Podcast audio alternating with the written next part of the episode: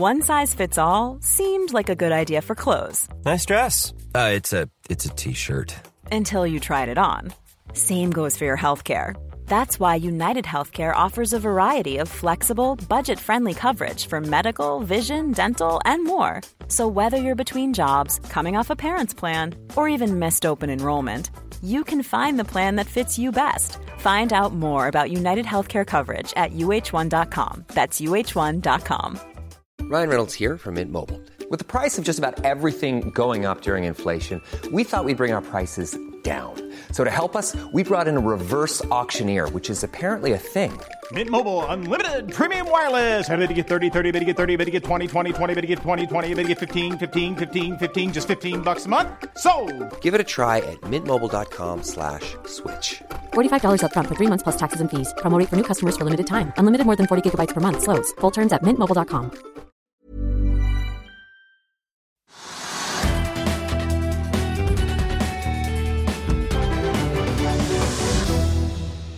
En eh, riktig god mandag. Det har blitt 8. august, og velkommen til Økonominyhetenes første sending etter sommerferien. Vi håper du har fått ladet batteriene og er klar for en hektisk og spennende høst i eh, markedene. I dagens eh, sending så får vi besøk av Alfred Berg, forvalter Christian Tunå, som skal være med å sparke aksjehøsten i gang sammen med oss. Men vi begynner med markedet nå i dag, for etter et fall på 0,6% i forrige uke, så startet Oslo Børs opp med det samme i dag, men snudde ganske fort ned i rødt territoriet og var utover formiddagen ned 0,75% Oljeprisen den kryper imidlertid eh, litt oppover, og spotprisen på et fat nordsjøolje, altså brent, ligger på en drøye 95 dollar per fat, mens den amerikanske lettoljen eh, VTI ligger på rett under 89. Ser vi rundt oss i Europa, så er det også grønt jevnt over på alle de store indeksene. I helgen så sa SAS-pilotene ja til tariffavtalen som ble fremforhandlet i de sene nattetimer i Stockholm her i juli etter den nesten, eller rundt da, to uker lange streiken. Avtalen innebærer at det blir fem og, halv, fem og et halvt år med rolige tider eh, i eh, SAS da, frem til neste forhandlingen. Det er også slik at eh, SAS mener at gjennom denne avtalen nå får den samme fleksibiliteten som flyselskapene de konkurrerer med, samtidig som arbeidstiden totalt sett fortsatt ligger på 190 timer i måneden for pilotene. Og vi fikk jo trafikktallene fra SAS da på tampen av børsuken eh, på fredag. SAS-aksjen steg da 0,7 I dag tikker den opp eh, rundt 6% til 66 øre aksjen. Norwegian på sin side ned nesten 2% i dag, og Flyr faller over 4 Norse Atlantic eh, ja, den lå ganske uendret eh, utover eh, formiddagen. Og så får vi jo ta med da, at Selv om SAS-aksjen er ganske mye oppe i dag, så er det jo en akutt fare for utvanning av dagens aksjonærer, i og med at SAS da er inne i en amerikansk chapter 11 restruktureringsprosess. Av andre nyheter i dag så tar vi med at Seaway 7 åpner opp over 6 i dag, til en kurs på litt over 11 kroner aksjen. Det skjer etter at selskapet har blitt tildelt en betydelig kontrakt, som de kategoriserer det, av Moray Offshore Wind Farm. Oljeserviceselskapet Archer satser også fornybart. Aksjen er opp en halv prosent omtrent i dag. Det skjer etter altså at de har inngått avtale om å kjøpe halvparten av aksjene i Iceland Drilling Company for litt over 8 millioner dollar. Iceland Drilling er et selskap som tilbyr boretjenester, hovedsakelig for da geotermiske brønner, og de har aktivitet bl.a. på Island, Azorene og New Zealand. Så har det jo vært hett i seismikk de siste månedene. Da er jo håp og tro om at denne sektoren skal få seg en ordentlig opptur med høye olje- og gasspriser. Magsize-aksjen er ned 3% nesten i dag. De kommer med en del kvartalstall litt tidligere enn planlagt pga. at TGS jo har lagt inn bud på selskapet. Tallene viser en sterk omsetningsvekst og en dobling i inntjeningen. Segmentomsetningen som de kaller det, endte på 103 millioner dollar i andre kvartal med en EBITDA på 6,2 milliarder. Ordrereserven endte på 235 millioner dollar, ned fra 257 ved utgangen av første kvartal.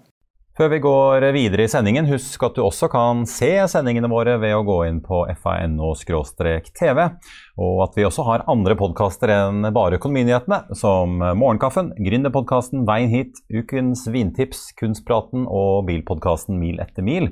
De finner du ved å søke Finansavisen, der du hører på podkast. Da skal vi ha dagens aksjetips, og kollega Ulrik Slettvold Lien har sett nærmere på aksjene Subsea 7, Airbnb, Adevinta og Orkla. Kursmålet i oljeserviceselskap slaktes av analytiker. Det er mandag, en ny uke er så vidt i gang, og dette er dagens aksjetips fra et utvalg av meglerhus. Analytiker Mark Wilson i Jefferies kutter kursmålet i oljeserviceselskapet Subsea 7 fra 110 til 70 kroner per aksje. Samtidig nedjusteres aksjen fra kjøp til selv, og med dagens aksjekurs tilsvarer det nye kursmålet en nedside på om lag 20 Selskapet la frem andre kvartalstall for litt over en uke siden, der de kunne melde om en bunnlinje på 22 millioner dollar. Airbnb har blitt negativt påvirket av reisekaoset og de makroøkonomiske svingningene som har foregått, og i den anledning nedjusterer analytiker Brian Fitzgerald kursmålet fra 250 til 185 dollar per aksje. Analytikeren anbefaler likevel kjøp, og ser en oppside på nesten 60% fra dagens kurs.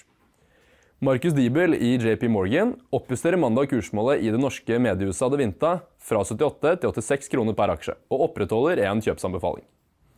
Så langt i år har aksjen vært en børstapper, med en nedgang på over 50% Diebel mener imidlertid at dette er en kjøpsmulighet, og ser en oppside på nesten 15% fra dagens kurs. Til slutt oppjusterer analytiker Petter Nystrøm i ABG Sundal Collier kursmålet i Orkla fra 92 til 95 kroner per aksje, og anbefaler kjøp. Dersom dette kursmålet skulle innfris, tilsvarer dette en oppside på 15% fra dagens kurs. Da skal vi over til eh, dagens gjest, som skal hjelpe oss med å sparke i gang aksjehøsten. Velkommen til oss, Christian Tunhold, eh, senior porteføljeforvalter i Alfred eh, Berg. Takk. Du, kanskje vi skal oppsummere sommeren litt, for det var jo en eh, ganske intens uh, sommer med veldig god stemning, virker det som. Hovedindeksen uh, på Oslo Børs var oppover 7 men vi så jo mye av det samme i både Sverige og Tyskland og ikke minst USA. Hva var det egentlig som skjedde i sommer? Var det en sånn midlertidig eufori etter alle uroen i våres? Det hjelper med sol. Ja.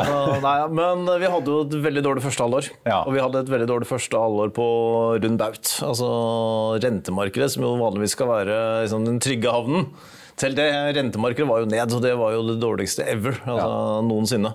Så det var en veldig spesiell kombinasjon i første halvår ved at aksjekurser falt og renter steg. Ja. Og normalt så pleier iallfall ett av dem å gå i riktig retning. Det skjedde ikke i første halvår. Ja, for så Særlig rentefond med lang durasjon slet ja. jo ordentlig. De gjorde det. ikke sant? Det var eh, negative tall som du aldri har sett før. og det er, eh, Dette var noe som skulle være den sikre investeringen.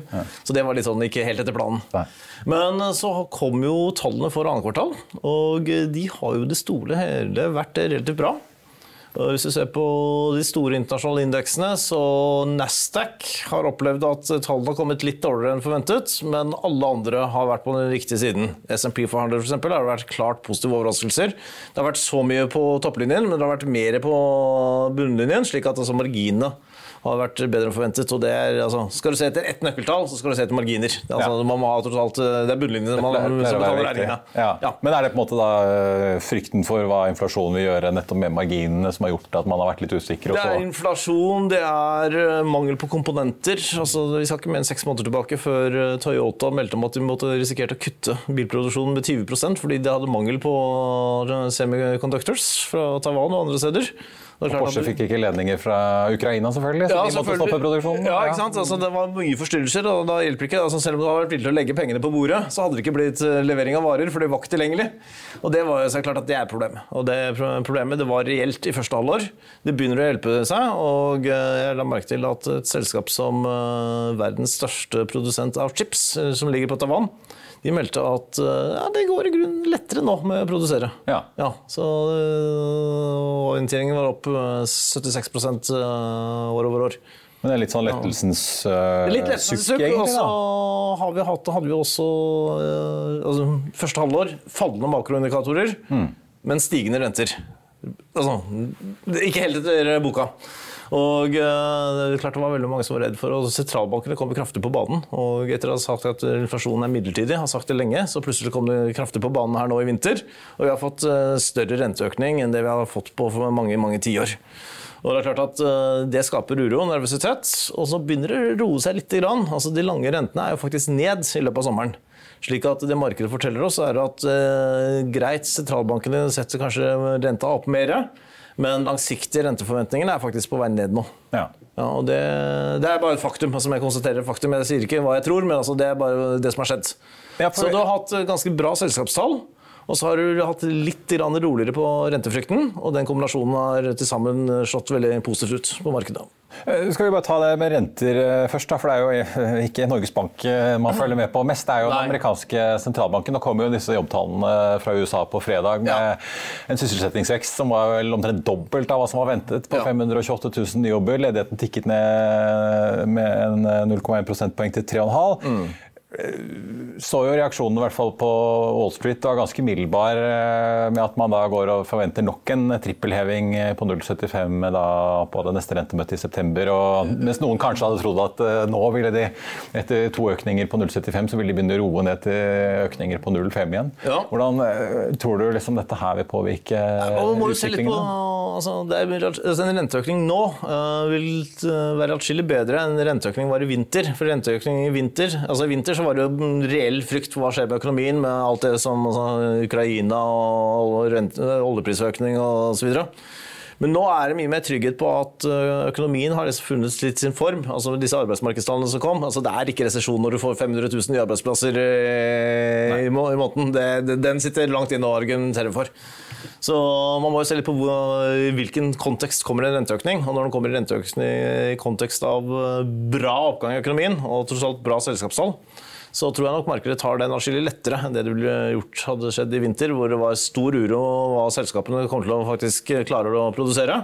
Og makrotallene også var mye svakere enn det de er nå.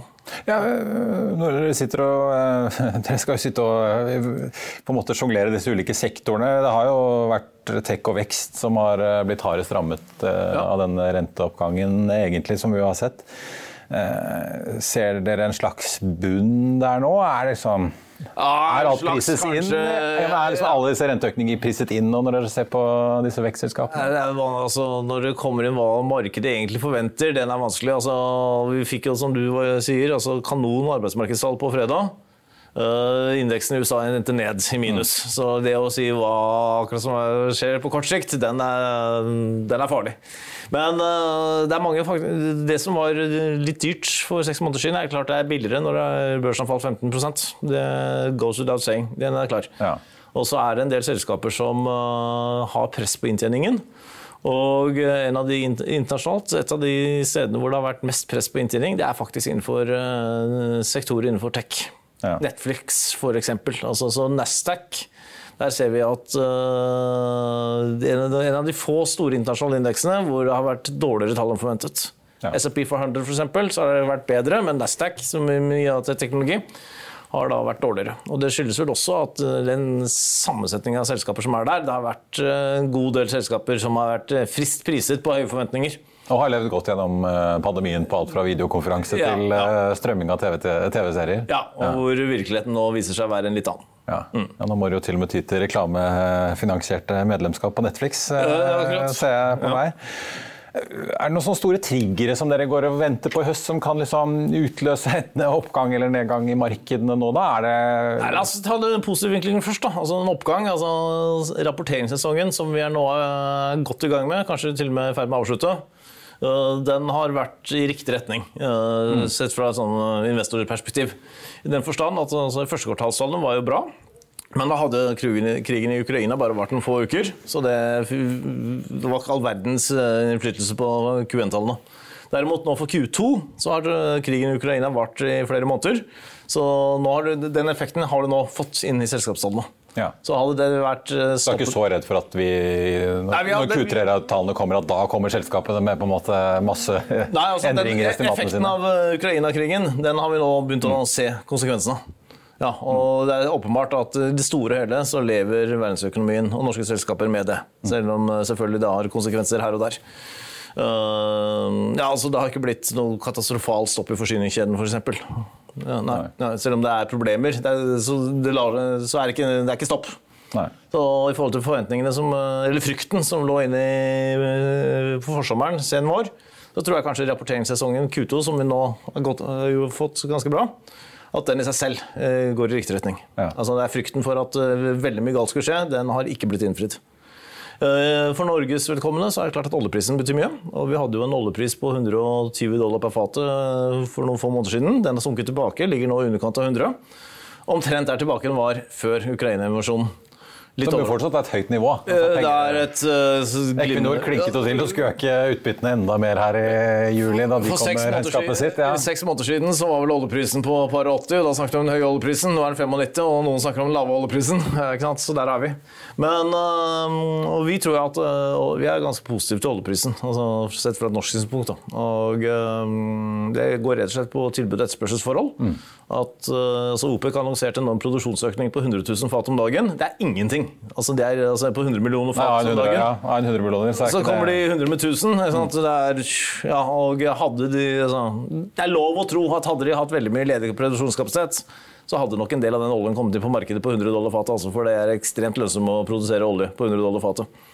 Ja, for det er vel spill her på, fra OPECs side om å være litt eh, hemmelighetsfull med hvor Ja. de egentlig har å gå på. Ja. Da særlig Saudi-Arabia og Emiratene, kanskje. Ja, ja, det er mange av dem. Så Men hva kan bremse, altså andre veien da, hva kan bremse? Er det hvis plutselig jobbtallene i USA begynner å vise at uh, her begynner å bremse opp veldig? Ja, altså vi har jo altså, vi har, Det er mye som kommer- er problemer nå. Et av dem er energiprisene og eh, renteøkning. Og det sammen skaper jo også kanskje en endring i forbrukeratferden. Og det er ikke helt urimelig å tro at når bensinprisene er klart høyere enn det det var for et år siden, rentene er på vei oppover, slik at boliglånene er blitt dyrere enn det det var for et år siden, at også da konsumentene begynner å bli litt mer forsiktige med hva de bruker penger på enn det de var for et år siden. Og i Sverige så ser vi jo tegn til at boligprisen faller ganske markant. For eksempel. Så at øh, det blir mer kamp om folks lommebøker. Øh, det tror jeg vi skal være forberedt på. Ja. Og øh, sannsynligvis ser, Vi ser ikke bort fra også at øh, rett og slett folk endrer litt atferd og blir litt mer forsiktige med hva de bruker penger på. Det er klart at det får konsekvenser ja, vi har vært kortsiktige på økonomisk aktivitet. Hva er det som er favorittsektoren deres? Du nevnte jo olje som en Ja, av vi er, vi er overvekt olje. Og ja, det første, altså rett og slett 95 dollar er en meget god oljepris. Og oljeselskapene er fremdeles priset billig på 95 dollar. Men er det da, er det type eh, Equinor, er... operatørene Aker BP, Equinor og Vår Energi Ja. som dere holder på, eller Eh, de er også. også på en måte bull på, på eh, leverandørene som Aker Solutions og disse? Ja, nei, vi, er, vi er- følger med på de også, men det er klart at det tar en stund fra oljeselskapene tjener penger, til de øker aktiviteten, til leverandørindustrien begynner å tjene penger. Så, så det starter med oljeselskapene. Der, der, der har vi vektet oss klart opp. Ja. Ja, vi begynner der. Men du har ikke, du har ikke kastet deg på seismikkbølgen? Altså, seismikkaksjene har gått som en jeg jobber jo da med Alf Bergen Nordic Comeback, og der finner du TGS-en oppe i porteføljen. du gjør Ja, ikke sant, Ja, ja. du, gjør det. Du har fått et pent kursløft der utover, eh, Ja utover våren. Så, så det, det er positivt. Eh, Vi tror jo da også på sjømat. Det er også en sektor vi liker å være investert i. Litt fordi jeg er langsiktig, så har sjømat vært en veldig god sektor. Så da er jeg fristet til å snu den litt sånn eh, på rundt og så fortelle meg hvorfor jeg ikke skal være investert der. Ja. altså Dette er en god sektor langsiktig. Da, det er, det er, sånn- Magefølelsen, da skal du være investert i sektoren. Ja. større eller mindre grad. Og uh, vi er nå i lavsesong på lakseprisene. Det vet alle. altså Det skjer hvert eneste år. Og i forhold til å være lavsesong, så holder jo prisene seg egentlig på et ganske godt nivå. For det har jo vært veldig, I våres var det jo veldig høye priser. Ja, ja, ja altså det er, eh, og de, sånn sjømat, laks, de konkurrerer da med andre matvarer som steger kraftig i pris i første halvår. Ja, for Oppdretterne laks på laks sliter jo også med høyere fôr, altså dyrere fôr. Ja, de gjør det, men uh, de er ikke så avhengig av gass da, som, ikke, som du bruker til å produsere gjødsel. Som uh, tross alt uh, konkurrentene er med andre matvarer. De slipper å få servert gassregningen til Yara. Ja, nettopp. De de betaler ikke for gassregning til Yara. Det er helt riktig. Ja, så altså Relativt sett, så selv om De kostnadene deres øker, altså, selv om det går opp for sjømat, så går det mindre opp enn for andre typer matvarer da, som er avhengig av gjødsel. ja. Ja, på grunn gass. Så det er på en måte en uh, Ja, ja, salg, salgsredder. Ja, Ja. salgsredder. Når vi da i tillegg har uh, sånn, sånn, Sjømat er jo geografisk begrenset hvor man kan drive oppdrett. Så det er begrenset konkurranse, og det, etterspørselen stiger. Ja. Så, og, så den langsiktige trenden er fremdeles god. Er det de tradisjonelle oppdretterne, eller har dere kastet dere på eh, Nei, vi, landoppdretterne vi holder oss mye til de tradisjonelle oppdretterne. Ja. Ja, Og ja, så se hva som funker. Ja. En annen sektor jeg vet dere liker om dagen, er finansaksjer. Ja, øh, der hadde vi kanskje De lange rentene har jo sunket litt, grann, mens de korte stiger.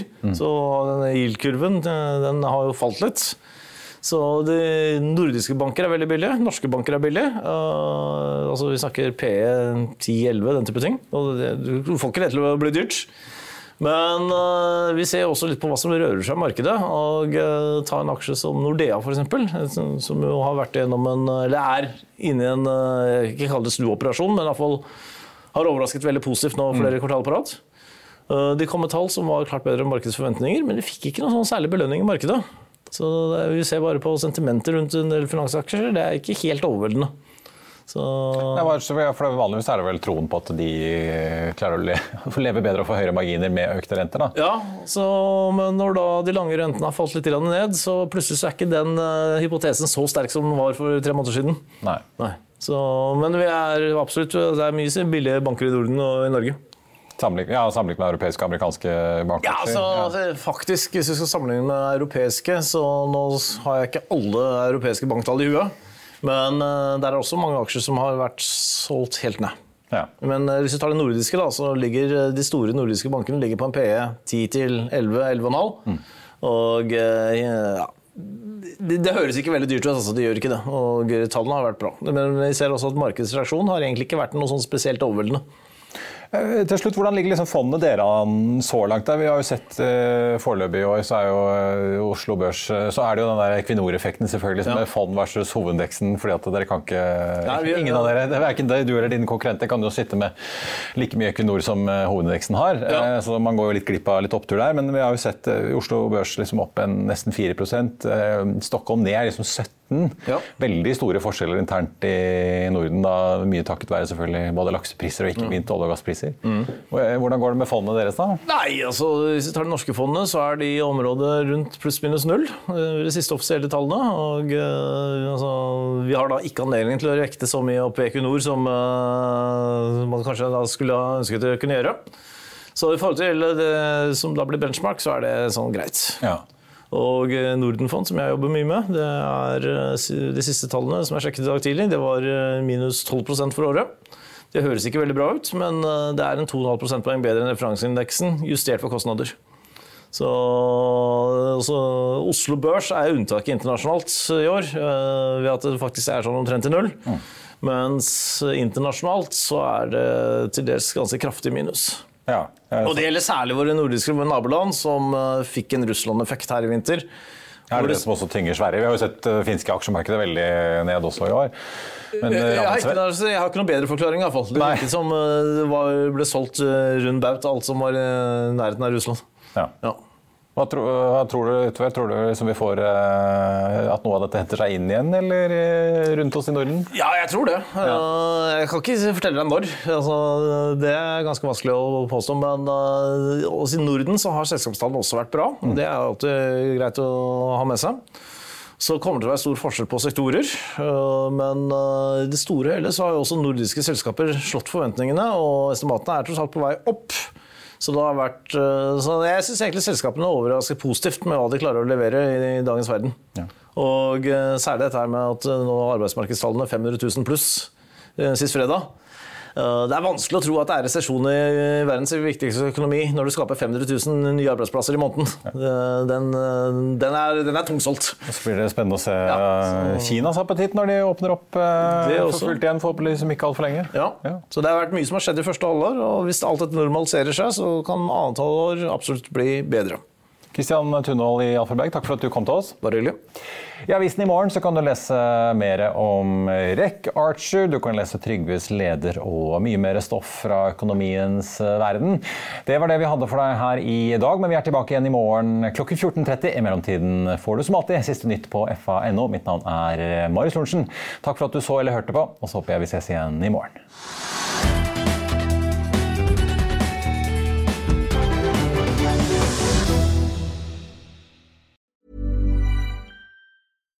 When you make decisions for your company, you look for the no-brainers. And if you have a lot of mailing to do, stamps.com is the ultimate no-brainer. It streamlines your processes to make your business more efficient, which makes you less busy. Mail checks, invoices, legal documents, and everything you need to keep your business running with Stamps.com. Seamlessly connect with every major marketplace and shopping cart. Schedule package pickups and see your cheapest and fastest shipping options from different carriers. With rates up to 89% off USPS and UPS rates. And with the Stamps.com mobile app, you can take care of mailing and shipping wherever you are. Make the same no-brainer decision as over 1 million other businesses with Stamps.com. Sign up with code PROGRAM for a four-week trial, plus free postage and a free digital scale. No long-term commitments or contracts. That's Stamps.com. Code PROGRAM. When you need mealtime inspiration, it's worth shopping Kroger, where you'll find over 30,000 mouthwatering choices that excite your inner foodie. And no matter what tasty choice you make, you'll enjoy our everyday low prices, plus extra ways to save, like digital coupons worth over $600 each week. You can also save up to $1 off per gallon at the pump with fuel points. More savings and more inspiring flavors make shopping Kroger worth it every time. Kroger, fresh for everyone. Fuel restrictions apply. Hey, Drew Scott here, and I'm Jonathan Scott, reminding you that life's better with a home policy from American Family Insurance. They can help you get just the right protection at just the right price and help you save when you bundle home and auto. Kind of like Goldilocks and the Three Bears. It'll be just right for you. We love a custom build. American Family Insurance. Insure carefully, dream fearlessly. Get a quote and find an agent at amfam.com. Products not available in every state. Visit amfam.com to learn how discounts may apply to you. American Family Mutual Insurance Company SI and its operating company 6000 American Parkway, Madison, Wisconsin. Økonominyhetene er en podkast fra Finansavisen. Programledere er Marius Lorentzen, Stein Ove Haugen og Benedikte Storm Bamvik. Produsenter er Lars Brenden Skram og Bashar Johar. Og ansvarlig redaktør er Trygve Hegnar.